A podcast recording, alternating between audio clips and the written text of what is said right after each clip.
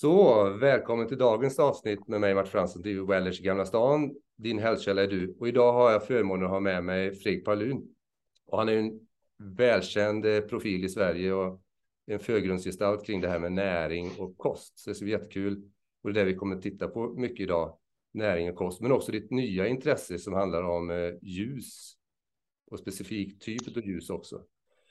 Men Just du har ju skrivit eh, otaliga böcker eh, och eh, varit med i näringssammanhanget under lång tid.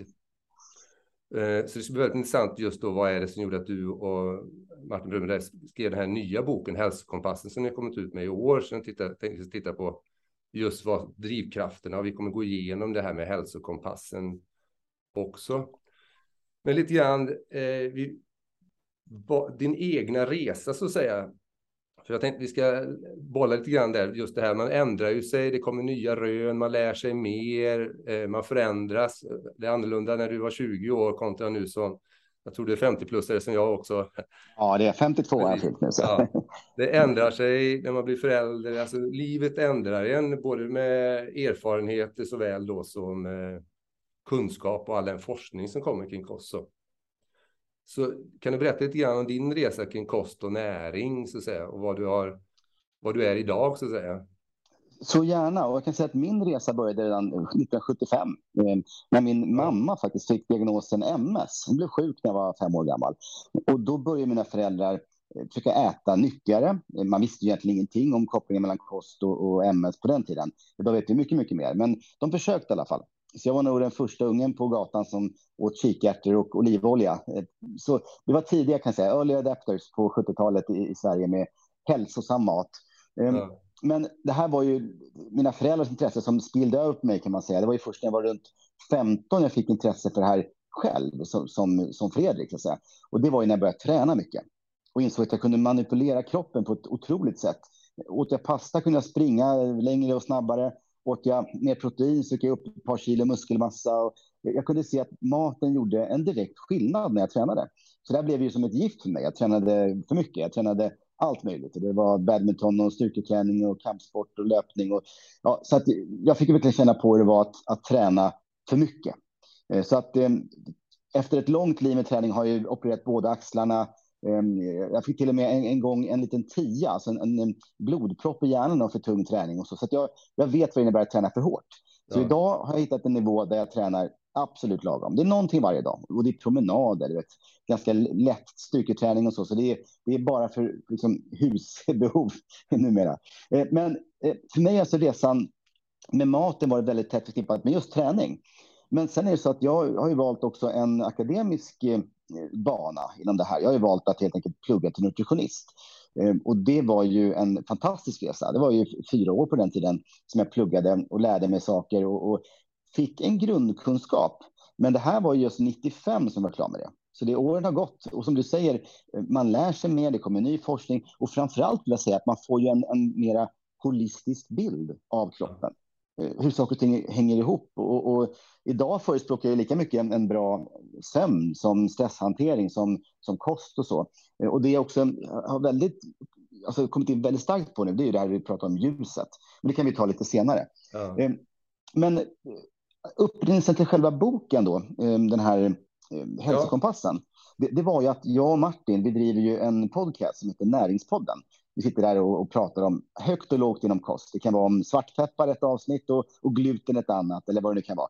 Eh, och ett avsnitt handlade om det här med har vi en inbyggd kompass som mm. kan tala om vad vi ska äta för någonting? Och jag vet att jag har det.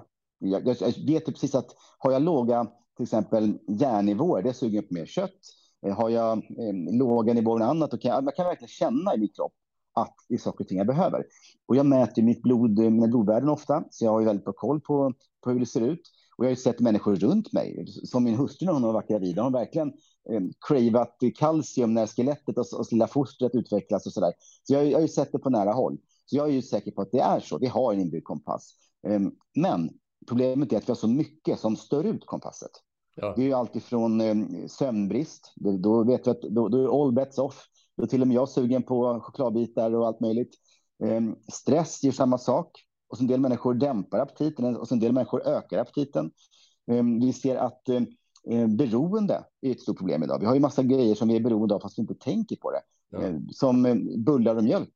Det är ju exofiner som faktiskt ger en sån opiatpåslag i kroppen och det är svårt att sluta äta. Men om man lyckas komma runt allt det här, man lyckas bryta sina beroenden, man, man lyckas eh, sova tillräckligt mycket, man stressar ner och så, då händer något. Då kommer igång det här, det här finlämmade systemet i kroppen som faktiskt talar om för dig vad du ska äta för någonting. Om man då lyssnar på det, då kan man göra underverk. Då kan du äta väldigt mycket mat. Eh, du kan äta väldigt varierad mat, men mat från det vi kallar för den gröna gruppen som är helt ad libitum, alltså helt fritt. Det finns inga begränsningar. Och då kan man säga att du, du får äta de här riktiga råvarorna. Jag menar, du som är inne i branschen förstår att det här är ju ja, köttbitar, fisk, eh, kyckling, ja. ägg, grönsaker, baljväxter, nötter. Det som vi förstår, mat som är så säga, på riktigt.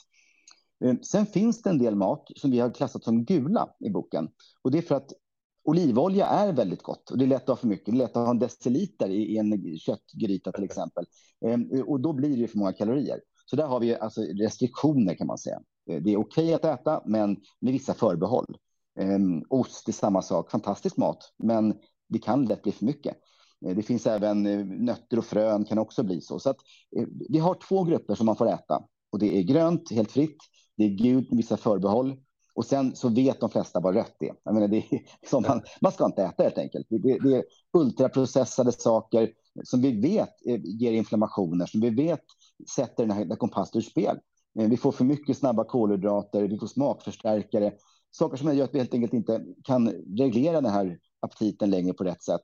Och vi äter framförallt väldigt näringsfattigt, energitätt och näringsfattigt. Mm. Eh, så det, det, är liksom i korta drag vad konceptet går ut på. Och jag har ju själv lärt mig äta så här, för jag, jag älskar ju att lyssna på min kropp. Jag lagar mat till mina barn, då kan det ibland bli två, tre olika rätter till de här barnen, för de har olika behov. Och det är inte att de är bortskämda, utan de behöver helt enkelt olika mat. Ehm, för de, de, kan ha eh, ätit olika saker i olika skolor, de kan ha ätit hos en kompis och så där. Och, eh, så jag är ganska flexibel när det gäller sånt, men det gäller att göra det smart också och förbereda och ha mycket som är liksom färdigkokt och, och tillgängligt och så där. Men gör man bara det, då är det inte svårt att tillfredsställa en, en ganska stor familj med, med de, de saker de verkligen vill ha. Ja, och ni har ju även då eh, förslag på recept i boken också, vilket är fantastiskt. Det är inte bara de här kategoriseringarna, utan det är ju recept på hur man applicerar det också. Exakt, precis. Eh, och eh, jag tror att de flesta människor som börjar äta så här och börjar få koll på sitt kompass, de kommer att märka en skillnad. De märker att de mår helt enkelt mycket bättre. De får mer energi, eh, bättre immunförsvar. För det är någonting som vi faktiskt måste säga. Vi pratade lite i inledningen innan vi började spela in här, du att vi, vi har ganska mycket olika behov också. Det, man kan ha olika behov i olika faser av livet, men faktum är att det är mer eller större skillnad på oss än man faktiskt kan ana. Ja. Eh, och det beror på bland annat tarmfloran. Vi metaboliserar olika saker på olika sätt. Det beror på hur mycket vi rör oss. Det beror på genetik, epigenetik, massor av saker. Mm. Eh, så, och även faktiskt det här med, med eh, var, var du äter maten ifrån, vad det finns för näringsämnen i den och så också. Så jag kan säga att ett äpple för mig kanske inte är ett äpple för dig. Det kanske är två olika saker. Du kan ha intolerans mot det också. Ja. Det gör att det är rent skadligt att äta. Så man måste vara väldigt ödmjuk och lyhörd inom det här. Det, det är det. Men om man väl lyckas, då är det en, en, en fantastisk nyckel till att må väldigt, väldigt bra. Eh, och nu pratar vi alltså om allmän hälsa, inte bara vikt och så. Eh, det är många som snöar in sig på det, men jag tänker på hälsan i stort. Ja, för att må bra. Mm. det är där boken står, Hälsokompassen, så vet du vad du behöver för att må bra. ja. En väldigt bra titel. Precis, ja, men det, det, är verkligen så. Och för mig så är mat en enorm tillgång. Jag ser det som att det här är en chans för mig att ge de, de bränsle min kropp behöver, de, de byggstenar, de eh, mikronutrienter som kroppen behöver för att fungera normalt. Eh, så jag ser det bara positivt. Man ska inte ha någon, någon ångest när det gäller mat. Man ska inte behöva fundera så mycket, utan det blir förenkla för, för läsaren helt enkelt. Eh, ja. Få ordning på kompassen, sen kan du äta helt fritt av det här. Ja, och då tillbaka till det här med kompassen. Ni tar ju upp det här just med, du har redan tagit upp lite, några faktorer som gör att kompassen kan bli lite felkalibrerad och vad som behövs för att kalibrera kompassen också. Mm. Det här att det finns så mycket, många som har, både unga människor idag som har, och sådana som tränar, att man har mycket ångest kring mat, men också att man kanske har nördat in sig väldigt mycket på ett sätt att äta. Det är bara LHCF eller det är bara paleodiet. Alltså det, mm. Man följer ett koncept och vi pratade lite grann innan då jag själv rört mig från allt ifrån varit vegetarian till levande föda till metabolic typing diet och nu mer en eh, carnivore diet så att säga då. Men jag följer den här inre kompassen ändå det som guidar så. Ni tar ju upp det här tankesätt så att säga, att man ska ha lite, som gemene man så kan man vara lite mer öppen och flexibel. Precis, jag tycker det är intressant att du säger det med att du ändå vandrat från en ganska eh, proteinfattig kost kan man säga, ja. som vegan till en väldigt proteinrik kost och så. Men har du eh, några inslag av, av liksom kolhydratkällor och så i din ja, kost idag? Oh ja, oh ja. Jag mm. äter liksom avokado, nötter, jag kan äta ris till maten och sånt men så det är inte det mm. att jag är en extrem karnivor på sådana sätt, utan det är ju eh, kanske en stora, stora skillnaden från hur jag åt tidigare. Det ändå var proteintyp, så säger metabolic typing, så är ju det att jag äter mycket mer som sa till inälvsmat då, hjärta, eh, lever, njure, mjälte, eh, mm. sådana saker då. För det låter som ganska billiga detaljer på djuret. Ja, i Sverige är ju det precis. Det är ja. som, i, I Kina är ju kycklingmage är ju liksom en delikatess. Här är det slakteriavfall då, så att mycket som har blivit slakteriavfall är ju liksom egentligen väldigt näringsrika eller innehåller väldigt viktiga fytonutrienter. Så. Mm. Och jag tycker att inälvsmat har på pappret väldigt mycket bra näring och så, men man ska nog vara lite försiktig med just lever med tanke på att det är väldigt mycket järn och väldigt mycket A-vitamin. Mm. Men har du gjort några blodtester? Vet du var det ligger liksom i ferritin och så där? Eh, nej, jag har inte just de värdena inte jag testat så. Jag testar på andra, eh, min status så att säga då, eh, generellt sett. Men jag har inte tittat på mm. Nutrientnivåerna så. Så det är en intressant bit att ta och göra nu när jag äter det här ett tag. Ja, för att jag kan säga, jag hade ju en tid då jag hade lite förhöjt ferritin och det är ja. en lagringsform av järn. Eh, och det vet vi att det ökar inflammationen i kroppen, så det vill jag ju få ner. Så att mm. jag drog ner på köttet, jag åt lite mindre och fick faktiskt ner dem till normala nivåer. Nu äter jag två, tre portioner rött kött i veckan och där verkar min kropp må som bäst. Och ja. Det är också en del i det här med hälsokompassen, att man faktiskt eh, läser kartan, ser vad det är för förutsättningar jag har. Ehm, och dessvärre ska jag säga, det här är också intressant, dessvärre också sjönk mina B12-nivåer, för det följer med köttet. Så ja. nu måste jag ha lite koll på B12. Så det, det, det, är ett pussel, men det kommer gå jättebra. Det finns ju i ägg och det finns i mjölk och det finns i kyckling och så. Så det är ingen, ingen bristvara. Men det gäller att jag verkligen får i mig det. Ehm, men, men jag tror att det bästa med att göra som du har gjort också, testat olika dieter, det, det lär man sig jättemycket av. Man lär sig också av det man inte mådde bra av. Det blir också en del av den här instinkten, eh, vad man får liksom aversion mot. Och jag har gjort som du, jag har ätit en kort tid var jag vegan, eh, men jag, jag tappade vikt. Jag kunde, inte, jag kunde inte äta så, för jag fick inte byggstenar och energi nog helt enkelt. Um, och jag har också ätit um, extrem low carb perioder, mår inte bra av det, jag tappar energi, jag känner mig trött och deppig. Um, jag har ätit periodvis väldigt mycket protein och så, och då blir jag väldigt svetten luktar ammoniak och så här. Så man, man, man testar, man lär sig. Eh, och någonstans har jag kommit fram till att jag är en klassisk omnivår. Alltså jag ska äta lite av varje då mår jag som bäst. Ehm, och det, de flesta tror jag faktiskt är sådana. Ehm, för att människan är gjord för det. Vi, vi dras till mångfald och att äta många olika saker. Vi, vi äter ju, jägare samlare ser man, de äter ju uppåt 500 olika saker i veckan. Ja. Um, någon slags svamp här och någon insekt där och någon, något ägg där och så. Så det är många olika prylar och då, då slipper man ju risken för överskott av någonting. Ja. Man, man, slipper risken för underskott av någonting. Det blir väldigt, väldigt bra riskfördelning. Precis. Precis, det, jag tror att eh, jag håller med. Det för mig är sant idag. Liksom, sen får vi se om vad jag tycker om ytterligare 20 år. Men det här att vi, mm. de flesta av oss är för omnivåer. Och sen så kan det vara i perioder som man kan må bra för att kalibrera om man kör intermittent fasting eller någon fasta. För det är liksom bara låta systemet få resetta sig och städa ut saker och ting. Och sen givetvis mm. så som med din egen mor då, exempel att vissa eh, inflammationstillstånd så kan det vara bra att köra ett striktare protokoll under en tid då? Eller, som, jag vet inte hur du själv ställer dig till sånt som AIP, anti-inflammatory protocol och sådana saker. Alltså, jag har ju en situation där jag får antikroppar mot gluten och mjölk. Ja. Ehm, och jag hade 15 års tid problem med, med eksem. Ehm, speciellt på vintern. De var, de var gräsliga, så jag tvungen att köra kortisonsalva på dem. Ehm, och, och, det vet jag, att tar jag bort bara gluten, då händer ingenting. Tar bort bara mjölk händer ingenting. Tar bort båda, då försvinner eksemen. Eh, och det här kunde jag se ändå med såna här, ehm, det kallas allergi typ 3 numera. Eh, ja. Med sådana tester kunde jag se att, att när jag åt glutenmjölk, då var mina nivåer skyhöga av IgG-antikroppar. När jag tar bort det, då går det ner till noll. Alltså, ja. Man kan inte ens mäta dem. Eh, så det är verkligen så att jag reagerar starkt på det. Och det är ju det är väl lite grann det man pratar om här, men man gör det på egen hand. Att man eliminerar saker som man tror kan ge inflammationer. Sen introducerar man saker successivt och systematiskt. Och det tycker jag är supersmart. Men det är ganska svårt. Ja. Ehm, för, för de här effekterna är ofta fördröjda med ett eller två dygn. Ehm, så det, det, kan vara svårt att faktiskt lista ut vad det är man inte tål. Så jag tycker att blodtester återigen, det är någonting jag verkligen rekommenderar. Det kostar det... några tusen, men då vet man svart på vitt. Och det har ju ni under det här kapitlet där som kartan hur kompassen ska man ju givetvis ha så kalibrerat som möjligt, men man behöver ha en karta för att kunna ta ut riktningen från A till Precis. Exakt så är det ju.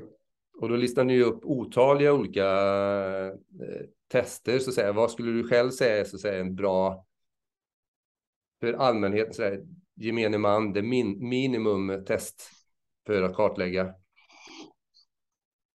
Alltså jag tänker för min del så har ju det här med intolerans, intoleranserna varit ovärderligt. För jag mådde ja. inte bra under de 15 åren. Jag var trött och kände mig påverkad. Och det kan ju också öka risken för sjukdomar. Det vet man ju.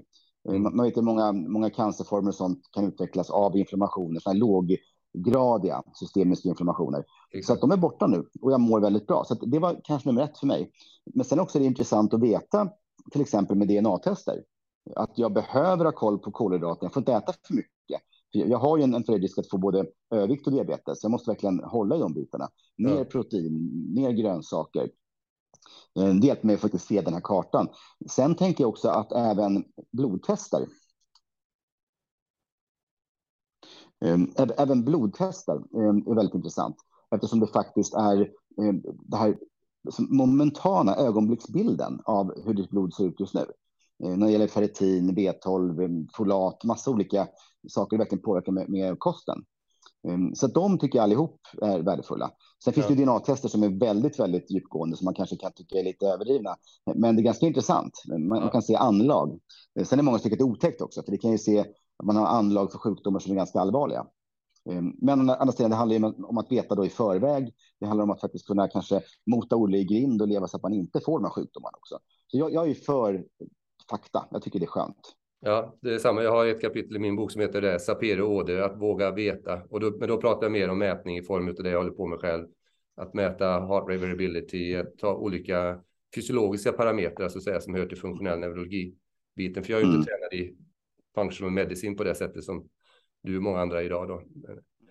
Utan... Men dina bitar är ju jätteintressant. Jag menar, menar det här eh, hjärtfrekvensvariabiliteten, den har man ju verkligen börjat förstå att den är, att den är otroligt viktig att ha koll på för hälsan. Eh, och där kan jag mycket mer än jag kan. Men jag, men jag vet ju att eh, det här med hjärt-kärlhälsa, det är ju någonting som eh, ja, det drabbar ju väldigt många. Och det roliga är också nu att jag läste att i Stockholm just, där jag bor, så har nu för första gången någonsin, vad jag vet, risken att dö av hjärtinfarkt sjunkit under risken att dö av cancer. För att nu har vi så bra verktyg, medicinering, diagnoser, så att de verkligen kommer till rätta med det här till stor utsträckning. Så det är väldigt intressant. Så det går att förebygga med rätt kunskap och det här är ju en del av det. Ja, precis. Folk behöver veta att vi gör mätningar eh, i ett tidigt skede, så att säga. Helst då utifrån ja. salutogent, att liksom främja det friska och det är ju det som er ambition är.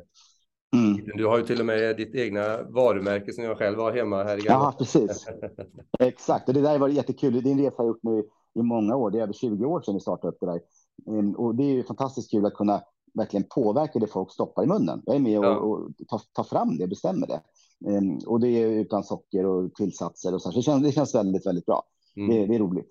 Bara bra mat. Mm, precis. Det är en viktig bit där. Ja, eh, jag tänkte komma tillbaka där med hälsokompassen och de här faktorerna, för jag tror jag är helt enig med dig i det här att vi har alla en inbyggd intelligens så säga, som, som vägleder oss. Så säga. Det är bara det att eh, operativsystemet är inte uppdaterat för 2022 och de saker vi exponeras för. Utan eh, våran sinnesskärpa är ju, responderar ju på ett annorlunda sätt eh, idag då. Och sen finns det någonting som heter matindustrin med smakförstärkare och e-ämnen och sådana saker då som eh, jag skummade på något ställe i boken så skrev ni just om skumbananer. Alltså skillnaden mellan en, en banan som innehåller väldigt många smakämnen så säger man i en skumbanan så är det bananästen då.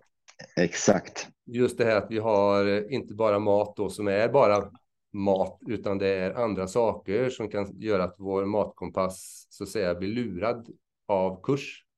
Eh, mm. vill du prata lite grann om den biten, hur du ser på trendskiftet där kring eh, vad mat är idag och vad den har varit och vad den är på väg att bli. För jag ser ju själv då ett väldigt positivt trend, inte minst då genom ditt eget varumärke. Många andra som kommer där det är eh, inga olika tillsatser som faktiskt stör vår inre kompass, utan som sätter den, stödjer den att hålla kursen. Eh, exakt, och det är på väg åt rätt håll. Jag håller med dig, för att vi vet att konserveringsmedel till exempel, det påverkar tarmfloran negativt. Ja. Eh, många sötningsmedel gör det lika så. Jag vet att eh, vissa sådana nanopartiklar som titanoxid påverkar tunntarmens integritet. Det blir inflammationer där. Det är så små partiklar att de går in och, och stör epitelcellerna. Ja. Ehm, så det finns mycket tillsatser som är, är väldigt dåliga, ehm, som tar inte död på oss, men det påverkar hälsan i, i negativ riktning. Och, och, där är på väg åt ett bättre håll, men tyvärr inte liksom i full kraft. Jag köpte hem bland annat någon produkt nu här, ehm, någon hummus vet jag inte, det kan inte vara någonting i, men det var ju konserveringsmedel. Ja. Jag köpte hem någon, någon, någon tacobröd som var typ 40 3 majsmjöl, resten var konstiga grejer. Så det, det, finns fortfarande dåliga produkter. Det här är så ny, nylanserade saker. Ja. Ehm, så det, det, går lite hackigt framåt, men jag håller med om att det, det ändå rör på sig. Ehm, och de flesta tillverkare idag, de ser som hygienfaktor att inte använda e-nummer.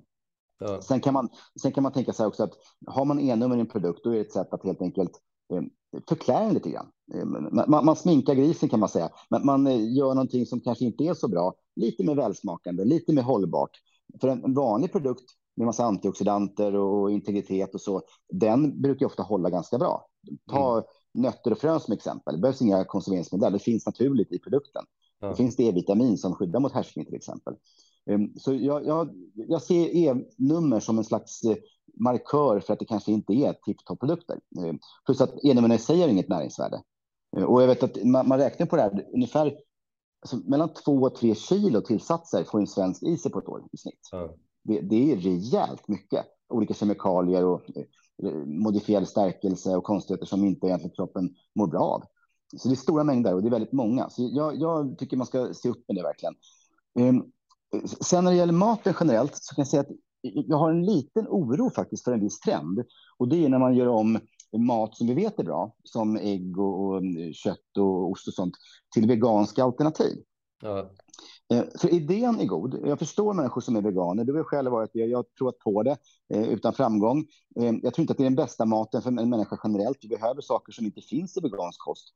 Men det är ingen lösning att till exempel försöka göra en ost av kokosfett och modifierad stärkelse. Nej. Det är det man gör nämligen. Då får du ingen B12 som du behöver. Du får inget protein som du behöver. Du får helt enkelt skräp. Alltså du får ju du får fett, okej okay, fettsyror, men du kan inte klara dig på det. Så det är, för mig är det inte mat, det är låtsasmat. Eh, och vissa sådana biffar är också fulla av, av alltså, antinutrienter som påverkar tarmen negativt och så. Så jag tycker, för mig, eh, om jag ska käka en bönbiff, då vill jag göra den på riktiga bönor. Kryddor, lök, göra smeten själv, steka upp den, så ser jag det som en, en vegansk måltid. Det är fine. Men att leva på sådana olika färdigbiffar och sånt, det tror inte jag är bra. Mm. Och dessutom ser vi att när man äter bara en vegansk kost, då ökar något som kallas för splantic extraction av eh, aminosyror. Det är alltså att inälvorna förbrukar mer av proteinet. Så mm. det som når ut i blodet från veganska källor är mycket lägre nivå än om du äter animalier. Mm. Det handlar framför allt om de, om de här grenade aminosyrorna som man ser pushar ut det hela i blodet och kunna bygga muskler av det. Så det, det är intressant och det innebär att en strikt vegan måste dels äta mer mat för att det är så lite protein i maten. Man måste äta väldigt komplex mat för att det är olika eh, proteinstrukturer, sammansättning i olika livsmedel. Man måste äta också mer protein för att kunna eh, ta göra sig till godo allt det här. Dels med, med det här att tarmarna tar och förbrukar en del och sen tar det inte ens upp allt. Eh, en böna till exempel, det tar upp ungefär 80 procent av proteinet. Resten tar aldrig ens upp. Så det är ett problem. Och protein är ju ett väldigt viktigt näringsämne för att det ingår i immunförsvar och uppbyggnad av vävnader och massa saker, signalsubstanser och så. Så att det, jag tror inte att en vegankost är det optimala för en människa. Däremot mycket vegetabilier och högkvalitativt kött och bra fisk och sånt. Då är man hemma. Då är man ju då är man där. Då har man ju liksom lyckats nå den här eh, jägar-samlarkosten som vi egentligen gjorda för. Ja, precis. Precis. Eh, flera gånger där nämndes, pratade om mage tarmbiten så, för vi vet ju som det är just med vad vi väljer, vad vi har sug efter är ju väldigt beroende, vet, säger mer och mer forskning, vad, hur vår tarmflorestatus är. Ja. Alltså äter vi en viss typ av kost så ändrar det vår tarmflora och det gör att eh, vi får ett ökat sug efter vissa typer av näringsämnen och mindre sug för kanske andra då. Mm. Eh, hur jobbar du själv med den biten just att eh, förutom bra baslivsmedel, jag, och då tänker jag kanske mer in vad jag förmodar, jag har inte läst från blad till blad i den nya bok, men det som ni kallar då gulddelen eh, med fytonutrienter, alltså det finns ju olika extra saker vi kan ta för att så att säga främja en väldigt god tarmflora, vilket så att säga då kan gynna att man faktiskt lättare får tydligare signaler vad det är man vill äta och faktiskt behöver äta också. Eh... Exakt. Eh, och där kan säga att de här fytonutrienterna eh, som, som du har guldklassade i boken, ja. Eh, där är polyfenoler till exempel. De är ja. fantastiska. Vi ser att det finns bakterier i tarmfloran som äter polyfenoler. Ja. Det finns mycket i svartvinbär och blåbär och så vidare. Te, te, kakor, rödvin har det också. Så då ser vi att de här livsmedlen kan förbättra tarmfloran. Ja. Ehm, och, ehm, ehm, men det kanske allra viktigaste det är fibrer. Och det är fibrer av varierat slag. ska säga. Man ska äta lite bönor, lite grönsaker, lite frukt, lite nötter, lite frön, ja, olika saker helt enkelt. För då får vi ett, ett spektrum av olika fiberkällor och de ger en tillväxt av olika bakteriestammar. Och faktum är att när jag gör själv såna här olika typer av tester, jag skickar in Um, alltså avföringstester egentligen. Ja. Det, det, låter äckligare än vad det är faktiskt. För att när man gör en sån här test nu, timeflow-test, då helt enkelt tar man bara ett litet tops eh, som man då helt enkelt duttar i sin produkt, som man säger. Ja. Sen bryter man av topsen och den hamnar i en slags sprit som dödar alla bakterier. Så skickar man in det här lilla provröret då, som allting ligger i till labbet och då är alla bakterier döda. Så det är väldigt hygieniskt. Det, det, är inte så äckligt som det låter. Man mm. spolar ner sen också allt annat som man inte behöver. Så det, det, alla kan göra det här. Och det roliga med det är att då får du se verkligen svart på vitt vilka bakterier du har. Och jag har, jag kan skryta lite här, jag har en väldigt bra tarmflora. Jag har väldigt många bakteriestammar. Jag har Akkermansia, en väldigt bra bakteriestam som man känner till. Och, eh, så, så, i mitt fall har det funkat väldigt bra. Ehm, sen är det en sak till som jag kan säga att, att inte äta allt det här eh, raffinerade. Att inte äta E-numren, att inte äta sockret till exempel. För socker, som du sa, att man, man vänjer kroppen vid det man äter. Och socker i, i sin rena liksom, raffinerade form, den har en, en häpnadsväckande effekt. Den stimulerar tillväxt av bakterier som faktiskt gör dig sötsugen. Ehm, så de blir fler, de bakterierna. De skickar ut signaler till dig, till, din, till ditt blod som sen når hjärnan, som säger att du ska äta mera socker. Så det, det är raffinerat verkligen. Det här är, är, så förnuftigt. Det är smarta bakterier, men det är inte bra för oss. Så man måste helt enkelt eh, få ordning på tarmfloran. Sluta äta de här sakerna och låt den balanseras. Eh, sen finns det en sak till. Vi kan prata om det lite senare kanske, men det här med, med ljuset också. Det påverkar tarmfloran, för det är så ja. intressant nämligen. Ja, precis. precis. Eh, vad är din inställning till eh, pre, pro och postbiotika tillskott och så? Det finns ju en, eh, en, en stort spektrum av produkter på den här marknaden. Det kommer ju mer och mer eh, och i växande. Har du någon personlig åsikt eh, i dagsläget kring? Ja, alltså jag försöker äta någonting eh, prebiotiskt i varje måltid. Ja. Så till exempel idag åt jag lunch. Det var lite kall pasta från gårdagen. Då är det stärkelse där.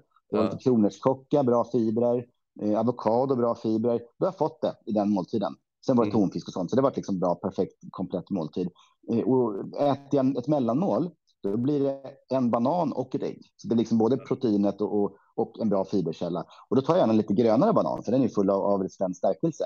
Så jag, varje måltid vill jag stärka upp det goda laget i mina tarmar, det vill säga äta fibrer. Sen försöker jag äta också eh, probiotiskt och det innebär att jag gör en del mjölksyrade saker själv. Mjölksyrade ibland grönsaker. Jag är inte jätteduktig på det, men någon gång i kvartalet. Eh, då har man några burkar stående och då tar man helt enkelt eh, surkålen eller de syrade morötterna eller så som en liten bakterieskjuts, en litet tillskott. De, de dagar man inte äter något tillskott kanske av det här eller de dagar man inte får i sig på annat sätt. Men faktum är att det är inte lika viktigt som att äta fibrer. Nej, Eftersom eh, har du bara en bra tarmflora, då räcker det med fiber för att underhålla den. Eh, då kommer inte mera nyttiga bakterier göra någon större nytta. Däremot kan man, kan man ha en slags förstärkning av tarmfloran. Man skickar ner lite extra av de nyttiga bakterierna. Så jag, jag, det är inget fel med att göra det. Men fiber är nummer ett och, och probiotika, alltså prebiotika, eh, fiber är nummer ett. Eh, probiotika är nummer två. Och sen postbiotika, det är väldigt spännande för det är alltså avdöda bakterier. Eh, om, om, säg att du gör en köttfärssås och kokar ner lite kimchi i den. Då smakar ja. det fantastiskt. Men bakterierna dör. Ja. Eh, men man ser att när, när de dör så spricker de och eh, något som kallas för LPS, lipopolysackarider, helt enkelt går ut ur de här cellmembranerna. Så när du äter det, då får du en stimulerande effekt på, på immunförsvaret ändå, fast de här är döda. Så de kommer inte kunna kolonisera din tarm, men de, de kommer att kunna ge dig ett bättre immunförsvar. Mm. Så det används idag i olika preparat från Tyskland, så vet jag, avdöda bakterier. Som alltså, det går inte att överdosera. Så att det blir ingen överväxt i tarmen, du får ingen dålig mage av det, men du får en effekt på ditt, ditt immunförsvar. Så det är intressant, men det ser jag lite mer som, nästan som en klinisk produkt. Man kan använda det just för att uh, kunna boosta immunförsvaret. Ja. Så det, det, är inget nödvändigt som jag ser det. Nej, utan det, precis, det handlar, på, handlar kanske på diamantbiten. Eh, Ja, exakt. Precis. Det absolut mest exklusiva och, och roliga för dock. För, för vissa. För det ja. många människor behöver ändå en extra boost ibland. Ja. Sverige. Mm. Ja, jätteintressant. Eh, men som sagt, tillbaka till den här eh, hälsokompassen så ni har ju pratat och, och du har liksom gått igenom olika trender eh, kring kost och sådana bitar. Just den här uppdelningen som ni valde här med grönt, gult, rött och, och guld så. Det är ju väldigt enkelt och bra pedagogiskt upplägg. Fanns det några mer tankar kring eh, det pedagogiska upplägget bakom hälsokompassen så att säga? För den är ju väldigt enkel och det är väldigt lättillgängligt det som jag har tagit till mig hittills. Den är för ja, tycker det. Ja, för det, det är ju det som är målet. Förenkla. Ja, förenkla. Och, eh, men för att förenkla måste man också först förklara. Ehm, så vi försöker förklara då hur det här fungerar med det intuitiva ätandet. Mm. Och vi vet idag att, att det finns receptorer för väldigt mycket näringsämnen som helt enkelt mäter av. Det kallas för nutrient sensing. Så blodet, eh, blodnivåer av saker och ting mäts, även cellnivåer av saker och ting mäts. Så kroppen har en sån inställning. Och det är klart att den har det. Alltså, vi, vi har ändå överlevt miljoner år av evolution. Hade vi inte haft förmågan att hitta den mat som kroppen behöver, hade vi dött ut. Så ja. att de individer som har haft det har överlevt. Så det, för mig är det evolutionärt sett självklart att det finns en sån inbyggd eh, kunskap. Ehm, du, du pratar om inbyggd intelligens, eh, ja. så? Ja. ja. och det är samma sak, bara olika ord på, på samma fenomen. Eh, och titta på djur, hur de äter. Ehm, de, de är ju experter på att äta rätt saker. De, de självmedicinerar med vissa saker. De Exakt. äter extra när de behöver och så där. Um, och jag har ju kaniner som skuttar runt på min tomt här borta. Jag, ju, jag bor ju så att de kan vara ute året runt. Så det är ja. ju tamkaniner som lever som vilda kaniner. Uh, och de äter ju verkligen olika saker. Ibland rejdar de mina blåbärsbuskar. Och ibland så äter de något helt annat. Och man, de äter vad de behöver. Helt ja. enkelt. Um, till och med sin egen avföring äter de. De är ju koprofager. Ja. Um, för de tar ju upp så lite av näringen första vändan. Så de äter en gång till för att kunna absorbera lite extra plus få B12. För Det finns ju inte i de Eh, vegetabilier de äter. Men de äter bara avföringen en gång, sen så struntar de i det. Så det är liksom olika omgångar. De, de vet precis vad de ska ha. Så ja. det, det, är häftigt det där. Det finns biologiskt i oss och människan är en biologisk varelse. Vi, vi är liksom inte så annorlunda egentligen, utan vi har också instinkter. Men det gäller att känna in dem. Precis. Och då ger ju ni liksom olika tips just hur att eh, kalibrera sin hälsokompass, så att säga, med saker då med undvikande, sådana saker man behöver göra som motion, eh, hur vi rör och använder sig, gör ju att det blir en omställning. Så vill du prata lite mer om de sakerna som är viktiga att eh, göra? Några tips på de här sakerna att göra igen för att kalibrera sitt system och vilka saker det är som är essentiella att minimera för att, så att säga, hälsokompassen ska vara så uppdaterad för 2022 och framåt som möjligt. Absolut. Och det är en sak som jag eh, nog inte nämnde faktiskt först. Eh, och det är motion, alltså att använda sin kropp. Exakt. Och då vet vi att, att styrketräning kommer inte att öka aptiten nämnvärt. Eh, däremot konditionsträning gör faktiskt det. Men då äter du mer för att du behöver mer också, så det, det är ju det är rimligt.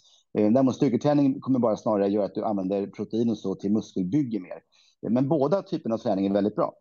Och det innebär att om man motionerar, då ser man att människor spontant börjar äta bättre. Ja. Det är spännande faktiskt tycker jag och, och, det innebär att de helt enkelt kalibrerar sin kompass. De tänker inte på det. De plötsligt äter de eh, lite nyttigare. De äter lite mer näringsrikt. De behöver lite mer B-vitaminer och så. Så eh, någonstans kickar man igång kompassen. Så det är därför jag själv tränar någonting varje dag och det, det är oftast ganska ganska odramatisk träning. Det, det är som en halv mils promenad och så. Eh, jag kan snacka telefon samtidigt och ja, så. Så jag, jag ser ju det här som ett, liksom ett måste. Man måste röra sig någonting varje dag, för då funkar det väldigt bra.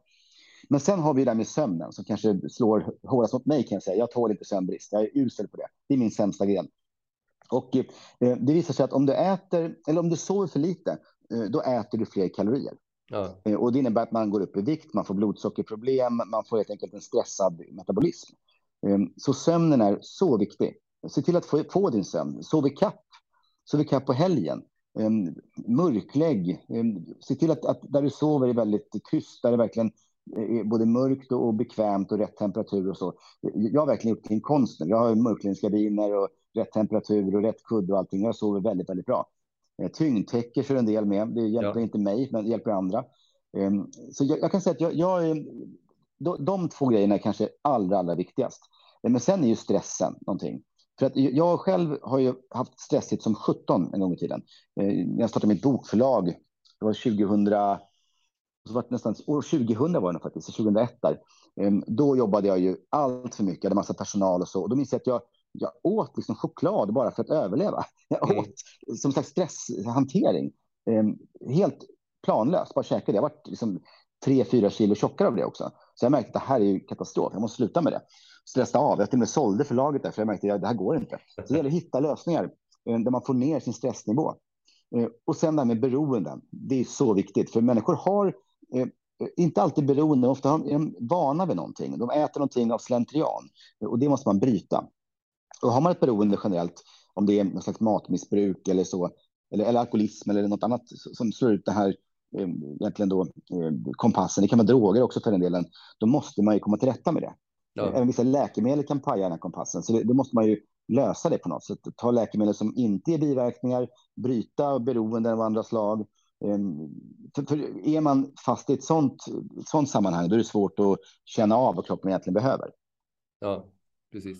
Sen finns det en sak till, jag bara nämner det också. Det är ja. återigen ljuset, ehm, när vi pratar om det. Ja, för att när, när, man får, för när man får ljus, både från solen och från såna här eh, rödlampor, då, som vi pratar om, då ökar endorfinnivåerna i kroppen.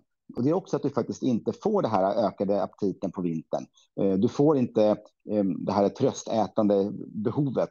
Eh, du mår helt enkelt bättre. Du får en bättre balans, bättre fungerande kompass helt enkelt. Så ljus är också en viktig komponent. Ja, precis. Vi ska strax komma in på det med ljusbiten och ljus som näring så att säga för läkning och också det här för kalibrering av vår hälsokompass. Där. En, en mm. sista fråga bara. Jag vet inte om ni tar upp det eller inte. Hur är din inställning till eh, periodisk fasta eller en fastedag just så som en eh, ett sätt att rekalibrera så att säga. Det här att en aspekt är ju när vi rör på oss så vet vi att vi börjar äta sundare och en del hävdar ju då att genom, om vi rör på oss tillräckligt mycket så att säga så att vi verkligen blir hungriga, då blir ju de här signalerna tydligare. Och att så att säga då fasta en, en tid just för att resetta suget att det blir ännu tydligare. Vad är det man vill och behöver äta så? Hur är din inställning till de eh, tankarna och rönen så att säga? Det ligger mycket i det. Ehm, det enda som är problemet är att fasta är någonting som jag kallar för en hormetisk stressor. Ja. Ehm, det innebär att när du fastar, då, då är din kropp under belastning. Ehm, det bildar fria radikaler, det frigörs gifter från fettet som bryts ner och det tål man. Men inte för mycket. Ja. Så att, eh, som jag lever exempel, jag äter mitt första mål runt 12 ja. på, på dagen. Så jag äter ingen frukost, jag äter min frukost vid 12 kan man säga. Ja. Ehm, och, och, då kan jag äta vad som helst. Men jag behöver inte äta förrän 12. Det säger mitt inbillade kompass. Jag är inte hungrig. Jag dricker morgonkaffet, men jag är inte hungrig. Eh, och det innebär att det är på min kropps villkor. Och då får jag alla fördelar som du beskriver. Eh, jag, jag får nollställa systemet lite grann. Jag, jag blir sugen på saker och ting. Mitt immunförsvar kickar igång lite grann. Ehm, den här autofagin med, med cancerceller kommer igång. Så jag tänker ju så här, så länge man gör det rimligt, ehm, då äter jag alltså ingenting på natten, jag äter ingenting på förmiddagen, sen äter jag. Då är det bara en fördel. Ehm, och det är exakt som med träning, det är också en hormetisk stressor. Ja. Tränar jag 45 minuter, då gör det mig gott. Tränar jag fyra timmar, då bryter jag ner mig själv. Mm. Så exakt samma sak är med fasta. Så jag är positiv, men jag, jag tror en hel dag är nog få som egentligen mår bra av. Det, det är om det är något speciellt. Man, man, man kanske har en autoimmun sjukdom eller någonting. Då ser man ofta en, en bra effekt. Ja. Men annars så tänker jag att det, det är för mycket för de flesta. Ja, det är, precis. Det är så jag lär mina patienter med att för gemene man så eh, eh, lyssna på den inre kompassen så. När blir du hungrig? Sen finns det ju olika index och så här, beroende på ens BMI så kan man se liksom hur lång tid brukar det ta då. För somliga är det 15-14 timmar. Beroende på BMI så kan det bli att det är upp till 20 timmar innan hungern oftast faller in då. Och mm. insulin eh, nivåerna ändrar sig. Men mm. lita på den egna inre kompassen så att säga i är det 16 timmar eller 20 timmar eller 19 timmar eller 14 timmar? När blir du hungrig? Ja, och det är väl, det är väl absolut den mest eh, klassiska kompassen, hunger. ja. Eh, och så länge man är inställd rätt, då kan man lita på hunger. Ja, precis. Jättebra. Vi ska gå vidare till det här med ljus som en näringskälla, så att säga. för det är ju som all mat eh, kommer ju från, från ljus. Och just specifikt att du har eh, då sista nu gått in på en viss typ av ljus. Då. Det är inte vanlig infraljus utan det är en speciell våglängd som vi vet mycket forskning då visar har väldigt gynnsamma effekter. Kan du berätta lite mer om det, Nutrilite? Ja, själv, självklart. Alltså det är så att jag, jag har forskat liksom på egen hand nu på min kammare om kost i 30 år. Eh, och jag är inte färdiglärd på något säsätt. Eh, men det var en, en smärre chock för mig när jag plötsligt fick höra från en, en god vän, han, han är en överläkare, han är en, en sån här person som eh, han säger ingenting med överord. Eh, så när han säger någonting, då lyssnar man. Han överdriver aldrig. Det här är fantastiskt, utan han berättar för mig att rödljusterapi, ja. det är någonting. Ehm, det är när man då helt enkelt behandlar en person med två olika våglängder. Och det är rött ljus, det man ser med blotta ögat, och det är nära infraröda ljus, ljuset då, som helt enkelt, det, det, det ser man inte, utan det bara värmer. Ehm, de två tillsammans får man även från solen. Ja. Så vi har eh, återigen evolution, evolutionärt anpassats till de våglängderna. Och det som händer när de träffar huden, det är att vi aktiverar kromoforer i våra mitokondrier.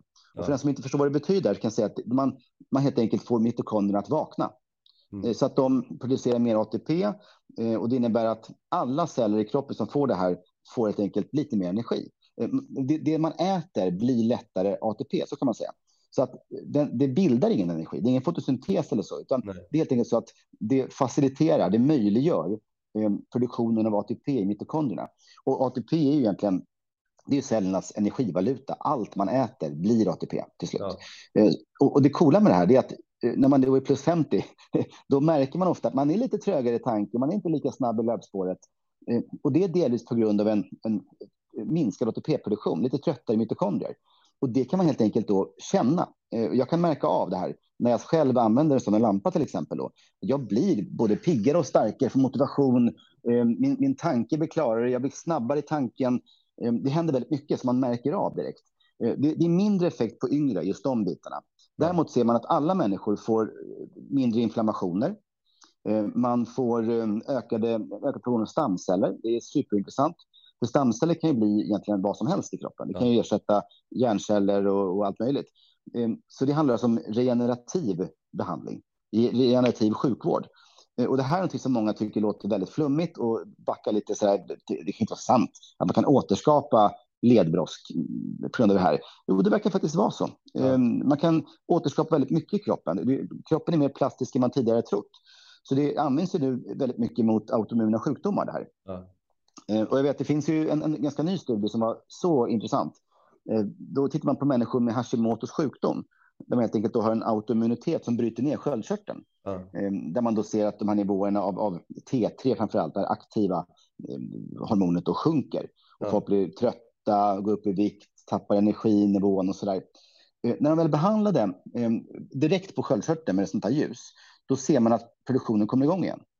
Eh, och man har, man alltså, hos vissa av de patienterna som man har behandlat kan man se en fullständig eh, återgång till normal funktion. De blir alltså friska av det här. Det gäller inte alla, men vissa. Och troligen ja. handlar det om hur långt gånget den autoimmuniteten är. Eh, och det här är för mig, det, det är ju det, det är mumma. Alltså det är det här man vill. Ja, ja. friska. Det, det, är fantastiskt. Och man ser också att eh, kväveoxidproduktionen ökar så att blodtrycket eh, sjunker. Ja. Ehm, man ser att syresättningen ökar, cirkulationen ökar. Och det är det intressanta med det här är att när man använder sån rödlampa, då är det som att få solljus. Men utan UV-ljus. Man blir inte brunare, man får inga solskador. Men du får allt det positiva från, från solen. Och det man ser eh, på svenska folket är att det dör flest människor i december och januari. Ja. Och, och, och färst människor, alltså minst antal människor i, i juni, juli. Och vad beror det på? Ja, det är ju solen. Ja. För att solen har en sån direkt effekt på blodtryck, eh, risk för blodpropp, infarkt och så vidare. Ehm, så att det, jag tycker det, det, det är något som har ändrat mitt liv, att kunna använda såna här rödlampor då, året runt. Så nu är vi inne i november och jag kör den här lampan varje dag. Jag kör till 20 minuter idag och det innebär att mina, mina celler är laddade. De har ATP. Jag orkar jobba sent på kvällen. Jag, jag, liksom, jag känner energi eh, och mitt immunförsvar stärks. Ehm, nu har jag två sjuka barn hemma. Jag har inte fått några symptom än. Ehm, det, det, det är verkligen det är så eh, man känner att det här är någonting, ungefär som med, med maten när man då är inställd, som har ett, ett, bra kompass. Man känner att det här är en del av kompasset. Man behöver ja. det här. Ja. Eh, får man inte solen så mår man inte bra. Då får man den här vinterdeppigheten. Mm. det är superintressant. Det är, det är ju som så att säga att, eh, jag vet inte om ni vet om, ett av de första Nobelprisen i medicin, jag tror det var det and, om inte det första så det andra Nobelpriset var ju en dansk läkare, Finsen, det var just ljusterapi. Så att eh, i Danmark och över hela Europa i början av 1900-talet, eh, innan penicillin och allting, så fanns det ju ljusterapi där man använde linser för att ta hand om solljuset för att behandla då polio och olika sjukdomar. Då, och det var ju väldigt framgångsrikt. Sen så försvann ju det. Sen har ju liksom börjat komma nu de senaste, ja, vad jag har varit med om är i alla fall de senaste 20 åren. För att vi har eh, ju de här kvaliteten på de här ljusdioderna är ju helt annorlunda och priset har gått ner så man kan göra en produkt som faktiskt är tillgänglig för allmänheten då. Så det är en otrolig skifte då. Och jag tror att eh, en del det här med att om vi nu tittar på andra effekter just med de antibiotiska effekterna så att eh, antibiotika idag är ju, det blir ju mer och mer restriktivt, men vi vet ju då med eh, den typ att det har ju en väldigt god effekt på också vilken typ av bakterieflora som finns och inte. Så då. Att det kan vara väldigt... Ja, verkligen. verkligen. Och det, det där är häftigt. Alltså, om man håller en sån lampa mot magen, mot buken, ja. då når ljuset ungefär 15 centimeter in, det här näringens ja. Så det går in i tarmarna eh, och påverkar tarmfloran. Man får mer av de goda bakterierna, mindre av de dåliga bakterierna. Och det är ju en central effekt för, för allt. Eh, ja. Menar, magen pratar med hjärnan. Ja. Jag har den här gut-brain axis. Magen pratar med njurarna, eh, ja. gut-kidney axis. Magen pratar med immunförsvaret. Alltså det, det är så centralt. Så att även om man har bara en sån liten, liten lampa, rörlampa som man håller mot sin buk 20 minuter om dagen, så kan ja. det få en effekt i hela kroppen. Så ja. det är väldigt häftigt. Och det du nämner där med, med att det är antibakteriellt och så. Vi vet ju att det här ljuset både är antiviralt, eh, antibakteriellt och antifungalt, alltså mot ja. eh, svamp. Så har du infektion i örat till exempel, eh, att, att köra en sån rödlampa mot örat på det viset, det kommer att läka ut saker och ting. Jag har själv fått problem efter sommaren här nu eh, med, med badat i sjön och fått lite så här motit ja. som det heter då. Infektion i ytterörat helt enkelt. Och det har jag kunnat läka ut nu. Så att, och det, då använder jag lampan kanske säg, tio minuter om dagen i fyra dagar så har det liksom torkat ut och försvunnit. Eh, och då ser vi att det både har en sån effekt på bakterierna men också en effekt på immunförsvaret. Ja. Det är en dubbel effekt. Så att man, man stärker i båda ändar. Ja, det är otroligt. Och då är det så här, det finns ju många produkter ute på marknaden kring eh, ljus och säga, men det vet du då, forskningen så är det en väldigt tydligt spann med nanometer som gör skillnad. Sen finns det blåljus. Jag har på kliniken både eh, rödljus och blåljus med just de här specifika nanometrarna då. Mm. Och jag tar ju för givet att era produkter har ju just de här de frekvenserna på nanometer som eh, just forskningen indikerar gör skillnad så att säga då. Och, och jag nämna också att det är ganska intressant det där, för att det är det här som har tagit sån tid. Man har forskat sedan 60-talet på det här. Ja. Men då har ju amerikanerna kört med en våglängd, ryssarna ja. med en annan, japanerna med en tredje, polackerna med en fjärde, brasilianerna med en femte. Eh, och nu tror man att man har hittat det optimala. Eh, och det är ju då det här 630 eh, nanometer röda ljuset ja. och 850 nanometer ja. närinfraröda. Ja. Och det är det som, som vi har i våra lampor till exempel. Ja. Men du får en effekt även på 1024. Du får en effekt på alla, alla också. Ja. Men den blir mindre. Ja, och en del, använder, en del använder också flera våglängder, eh, fyra eller fem våglängder. Men där är problemet, där verkar man kunna se att man, man släcker delvis ut effekterna. De, de tar ut varandra lite grann, våglängderna. Så det, det, är inte säkert att det är bättre. Jag tror det är bättre att ha två våglängder med hög effekt under rätt tid. Då får man troligen bäst effekt på kroppen. Ja.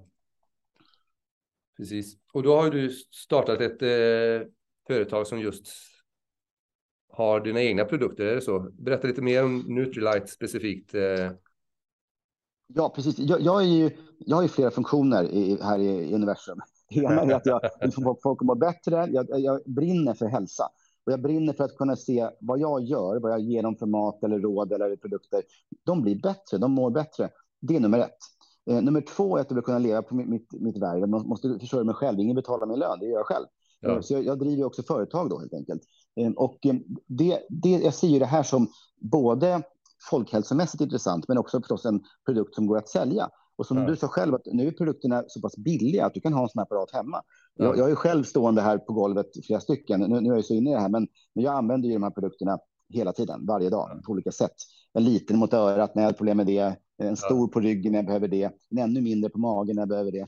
Så, så jag, jag, är lyckligt lottad på det viset. Men även en person som inte har så mycket pengar kan köpa en enkel produkt idag. Man kan dela på dem också, för att jag menar, de, de håller ju nästan, inte i evighet, men 50 000 brintimmar. Det är som ja. kan stå på i vad det, 15 år tror jag, oavbrutet och ändå ja. är det ja. krut kvar i dem. Så man kan dela i en bostadsförening eller ett kompisgäng och så där. Ehm, så att jag ser att nu är det här tillgängligt, så jag vill vara med och hjälpa till och öka tillgängligheten. Jag är med i alla möjliga sammanhang, jag är med i amerikanska podcast och pratar om det här. Jag skriver en bok om det nu som jag hoppas kommer både på engelska och svenska samtidigt nu i, i augusti blir det nästa år. Så att det här, det här är mitt stora, min stora nya giv. Och då är nummer ett solen. Solen är ju det bästa. Ja. Man ser att kring ekvatorn, där har man knappt någon MS. Man har mycket lägre risk för många cancerformer. Ja. Ehm, man ser att risken för diabetes typ 1 är nästan obefintlig. Ehm, sen ökar det ju längre norrut och söderut du kommer. Och det handlar om solexponering. Så det är det som är det centrala. Så, och det här med rödlamporna, det är ju second best. Det är ju, det är ju ja. inte lika bra, men det är ett fullgott alternativ som ändå kommer ge allt du behöver under den, den mörka delen av året. För vi har ett problem. Vi, vi är fortfarande tre, fyra mörka månader kvar. Ehm, så att då håller i alla fall min livsgnista uppe. Så, så, är det. Så jag ser ju att solen är nummer ett, lamporna är nummer två, men, men fyller en viktig funktion. Ja, och det är precis detsamma som min eh, gode vän Karl Ryberg säger då som eh, lite i början då. Det är den utrustning jag har på kliniken och här hemma då. Eh, man brukar säga, eh, solen är, det är ju så att säga, det är det, allt får ju du där med. Och sen är de här andra bitarna eh, är, är som finljuset, bonusljuset. Och dock, eh, särskilt de här vinterhalvåret så är det essentiellt. Och just det här, det kan vara, i och med att vi har kläder på oss under stor del av året, så att få den här specifika exponeringen då, till exempel utav magen eller olika organsystem, att man kan rikta eh, den här utrustningen mot de delar av kroppen som behöver det. Eh, och gärna då med bar hud. Ja, man, man ska helst vara klädd som på stranden, jag säga. Ja. Få så mycket nakenhud som möjligt. Jag faktiskt, ibland kör jag till och med helt naken, ska jag säga. När, när ja. inte någon här nere i, i mitt källarutrymme, då, då kan jag köra helt naken. Ja, precis. Att, det, då, då, vet jag verkligen att det, det fungerar. Och faktum är att eh, man ser att du får ju både en lokal effekt där du belyser, men också en systemisk effekt. Så vill man inte vara naken, vill man sitta behagligt med, med shorts eller liksom någonting på, på underkroppen så då eh, räcker det med att belysa ryggen och framställen lite grann. Då får du effekt i hela kroppen. Ja. Att känna till. Ja. Det är ju det en, en annat intressant område att kroppen är ju som ett fiberoptiskt system. Får man ljuset mm. på ett ställe så leds det genom hela kroppen. Det är väldigt Ja, precis. Och mycket av de ämnena som, som man påverkar, som cytokiner, som annars är inflammationer och sånt, de minskar ju, det minskar ju hela kroppen. Stamceller vandrar ju ut i kroppen.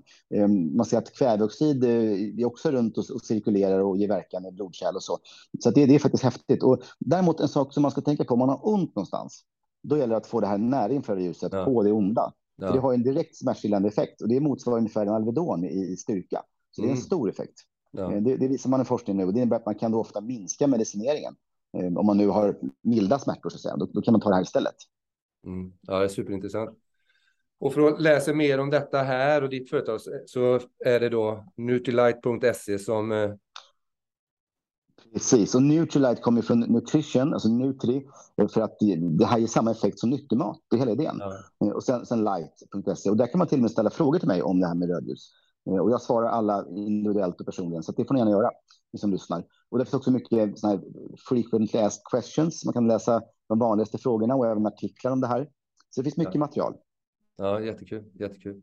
Och din bok får man givetvis tag på, på Adlibris och de vanliga. Ja, och den finns som ljudbok också. Finns som, som e-bok, finns i alla möjliga format. Så den, den, är ja. verkligen väl lätt tillgänglig. Den. Ja, härligt, härligt. Har du några andra spännande projekt eh, framåt? Och ligger mer i pipelinen? Ja, så nu så att jag, jag har ju alltid någonting i pipeline. Jag, tycker det, mm. jag, jag, är nyfiken om naturen och jag älskar den här branschen jag är i. Jag ser ja. att jag kan göra skillnad. Så att min plan nu är att, att, eh, faktiskt efter min bok om rödljus, den lämnar jag in till, till bokförlaget nu här i december, då är den klar, så att säga, den är färdigskriven. Då ska jag börja skriva om blodsocker igen.